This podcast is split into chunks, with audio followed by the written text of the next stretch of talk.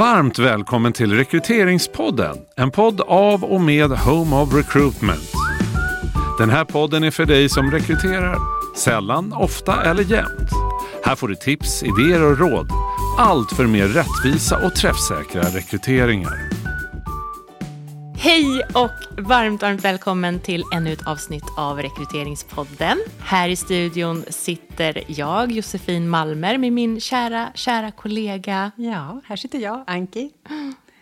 Och vi är ju då på Home Recruitment. Eh, och idag så tänkte vi att vi skulle ge er fem tips för att göra era kandidater extra lyckliga. För det vill man ju, eller hur? Verkligen. Speciellt i dessa tider när det faktiskt är en, på många, många områden, ganska tuff konkurrens om kandidaterna. Så att sånt här spelar roll. Sånt spelar roll mm. och inte minst spelar det roll för hur förutsättningarna ser ut att lyckas med sina rekryteringar framåt. Ja. Hur vi hanterar de vi har i våra processer idag. För ryktet går snabbt. Dessutom. Exakt. Mm. Och vi har ju pratat kandidatupplevelse förut i andra avsnitt också. Ja. Men nu var det ett tag sedan. Och vi ville göra det ganska konkret. Precis. Så här kommer de då. Tips nummer ett. Vilket är det, Anki? Ja, och då tänker jag så här att och det här har vi pratat om vid något avsnitt tidigare, men det tål att upprepas. Tips nummer ett är att skicka ett extra mejl till alla kandidater. Det vill säga, utöver det här auto-reply, det vill säga tack för din ansökan, så, som ju alla får såklart. Så se till att alla, oavsett om de matchar eller inte, också får ytterligare ett mejl. Till exempel när ansökningstiden precis har gått ut. Mm. Där man återigen liksom tackar. Där man eh, kanske till och med berättar hur många som har sökt. Eh, särskilt om det är många förstås, mm. då är det relevant. Och att man eh, nu kanske behöver ett par veckor på sig, eller vad det nu kan vara, för att gå igenom alla ansökningar på ett bra sätt? Eller vad är nästa steg? Alltså att man som kandidat, syftet är att man som kandidat verkligen ska känna att jag är inne i processen, någonting händer. Mm. Sen kanske jag får ett nej tack en eller två veckor senare. Men det här extra mejlet gör en stor skillnad för alla. Håller med. Och att också i det mejlet sätta förväntan på rätt nivå kring när hör du av mig härnäst. Ja, ja, exakt. Och sen gärna överträffa den då, förväntan. Ja. Och inte tvärtom, ja. såklart. Så ett extra mejl. Ett, extra mejl, första tipset. Det andra tipset då, hur går det?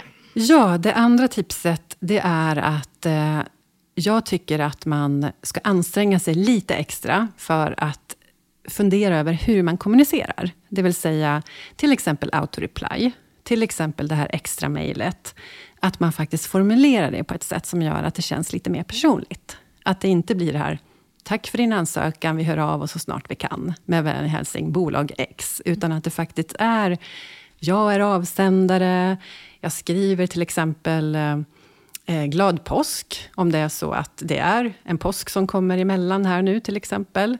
Eh, att jag eh, lämnar ut mitt telefonnummer om någon behöver nå mig. Alltså att man gör de här små detaljerna, mm. och lägger till dem, så att det blir lite mer personligt. Så även fast att det är många som får mejlet, så känns det mer personligt. Mm. Så. Jag håller med. Och där, där har man ju, alltså, beroende på vem man är, säkert sina egna så här, skrivningar, sägningar som man eh, trivs med. Jag tycker också att det kan vara eh, trevligt att man får kandidaten att förstå, liksom, nu sitter jag med det här, alltså fantastiskt, vi har fått in så här många ansökningar. Eh, såklart lite tuff konkurrens för din del och en, en utmaning för min del. Men nu jobbar jag på så fort jag kan med att liksom gå igenom mm. eh, alla ansökningar i, och, och, matcha dem mot de krav som står mm. eh, för den här tjänsten. Det eh. behöver ju inte vara liksom torrt bara för att det är... Nej. Det kan ju vara professionellt och personligt. Ja, och utifrån hur jag vill kommunicera. Mm. Så att man har en tonalitet som känns trevlig. Och sen så det där som du nämner, så här, glad påsk eller så här, önska dig en fortsatt solig fredag och mm. helg när den kommer eller så. När det är en solig fredag, liksom. för då förstår alla att det här kommer faktiskt nu på riktigt, inte från något system bara, utan det här är på riktigt någon som har skrivit det här idag. Så.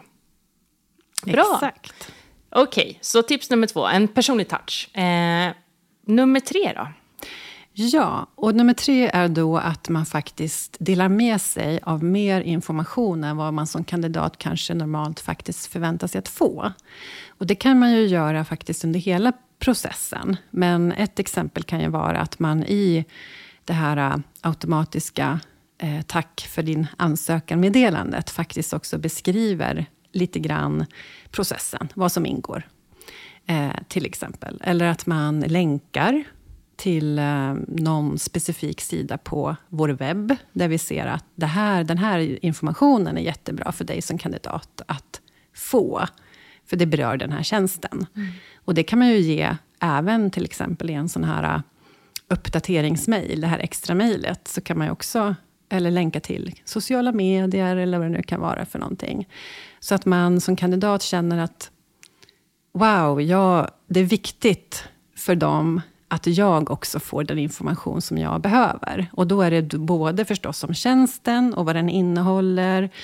Och att det inte bara är att vi försöker eh, lyfta det som är bra och positivt, utan även utmaningar. Mm. När man kommer till intervju så tycker jag att man har liksom en skyldighet som arbetsgivare att faktiskt informera om vilka utmaningar man faktiskt ser för den här rollen. Mm. Eh, så det kan ju också vara en sån här överinformation som man kanske inte alltid får som kandidat, men som man uppskattar jättemycket. Så dels om tjänsten och företaget, men också om processen.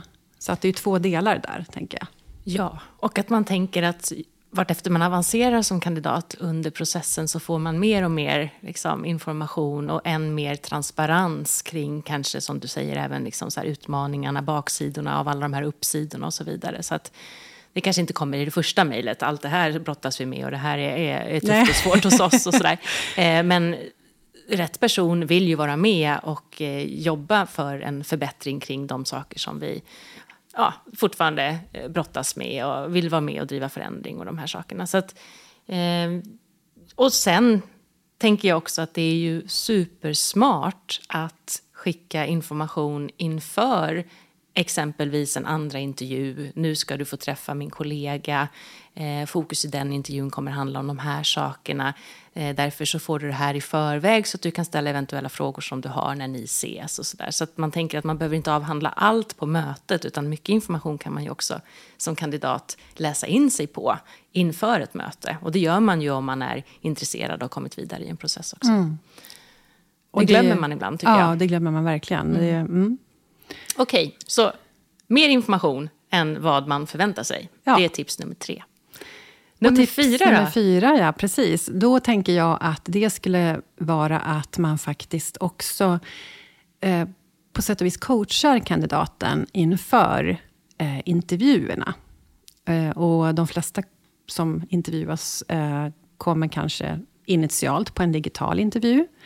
Men så småningom kanske man också kommer till arbetsplatsen. Men oavsett så har man ju som kandidat vissa funderingar. Och det kan till exempel vara klädkoden. Mm. Och den är ju faktiskt relevant även i en digital intervju. Någonting ser man ju, så att säga. så att eh, klädkoden skulle man kunna informera om. Eh, man skulle också kunna informera om, tycker jag, eh, viktigt att man faktiskt berättar vilken metod man använder sig av. Att vi jobbar kompetensbaserat, det innebär att jag kommer att ställa konkreta eller jag, kommer att vilja få konkreta exempel på situationer som du har varit med om tidigare från jobbet, som är relevant för den här tjänsten. Och du kan inte förbereda dig på det, utan, men det är den här typen av frågor. Och det gör ju att kandidaterna blir, tycker jag, lite... Man kommer snabbare in i eh, den här intervjumetodiken, kompetensbaserad intervjumetodik. Mm. Eh, de förstår en snabbare under intervjun, man blir inte överrumplad.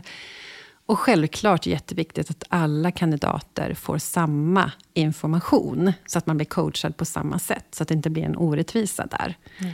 Men det här är någonting som ofta inte riktigt görs, utan man får en inbjudan till en intervju och that's it. Och jag tänker även till exempel att man, eh, om man har en fysisk intervju, att man är noga med att förklara ja, men vägbeskrivning, om man inte har reception, hur kommer man in? Är det någon portkod? Att man är noga med att allt sånt finns med. Mm. Så att man som kandidat känner sig trygg inför intervjun. Mm. Så att coacha inför intervjun är det fjärde tipset. Jättebra. Och apropå eh, info, extra information så tänker jag, vill man som kandidat förstå än mer, okej, vad innebär det att bli intervjuad på det här sättet, så kan man ju då kanske förslagsvis länka till ja, någon del av vår hemsida eller någon av våra poddar eller på något annat sätt beskriva ytterligare så, men så här funkar kompetensbaserad intervjuteknik om man vill som kandidat förstå ännu mer vad det är som väntar. Mm. Bra! Har du ett femte tips, Anki? Ja, och det är kanske en klassiker för många och lite så här kliché på ett sätt, men jag tänker att det är ändå värt att nämna. Och det är ju någonstans att man säkerställer att kandidaten verkligen känner sig välkommen när man väl har fått tjänsten. Och det här kan man göra på olika sätt förstås. Eh, det, det klassiska är väl att skicka en blomma eller liknande. Mm. Varför inte när man har precis signat till exempel? Att man då får en blomma hemskickad där, med en liksom härlig hälsning om att vi ser så fram emot där du ska börja hos oss i mm. oktober. Mm. Och att man eh, även säkerställer förstås då att alla kandidater som får ett nej tack också får det på ett bra och trevligt sätt. Mm. Eh, och där brukar vi ju säga att, och det är ju ett tips i sig egentligen, men att alla som har varit på intervju till exempel, ska ju självklart få ett telefonsamtal, där man har möjlighet att ställa frågor. Mm. Men så att man ser till att den här övergången blir också trevlig och att man som arbetsgivare eh, faktiskt uppmärksammar kandidaten på att vi är så glada för det här och därför så gör vi det här. Mm. Så. Väldigt väldigt viktigt och jag tänker i samband med att man får den här blomman, att man också får den här preboardingen. Att mm. så här, det är ju få gånger man är så pepp på att förstå allt som väntar och liksom läsa in sig på saker och ting som när man precis har signat ett nytt jobb.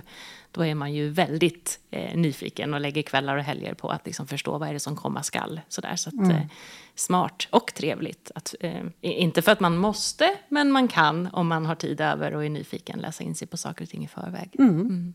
Bra, det var våra fem tips. Ja, så gå ut där nu och gör era kandidater. Lyckliga. Ja. Bra. Bra, tack för idag. Tack för idag, hej hej. Du har hört en podd av Home of Recruitment. Om du vill komma i kontakt med oss, skicka ett mejl till info at homeofrecruitment.se. Podden är producerad av Septemberfilm.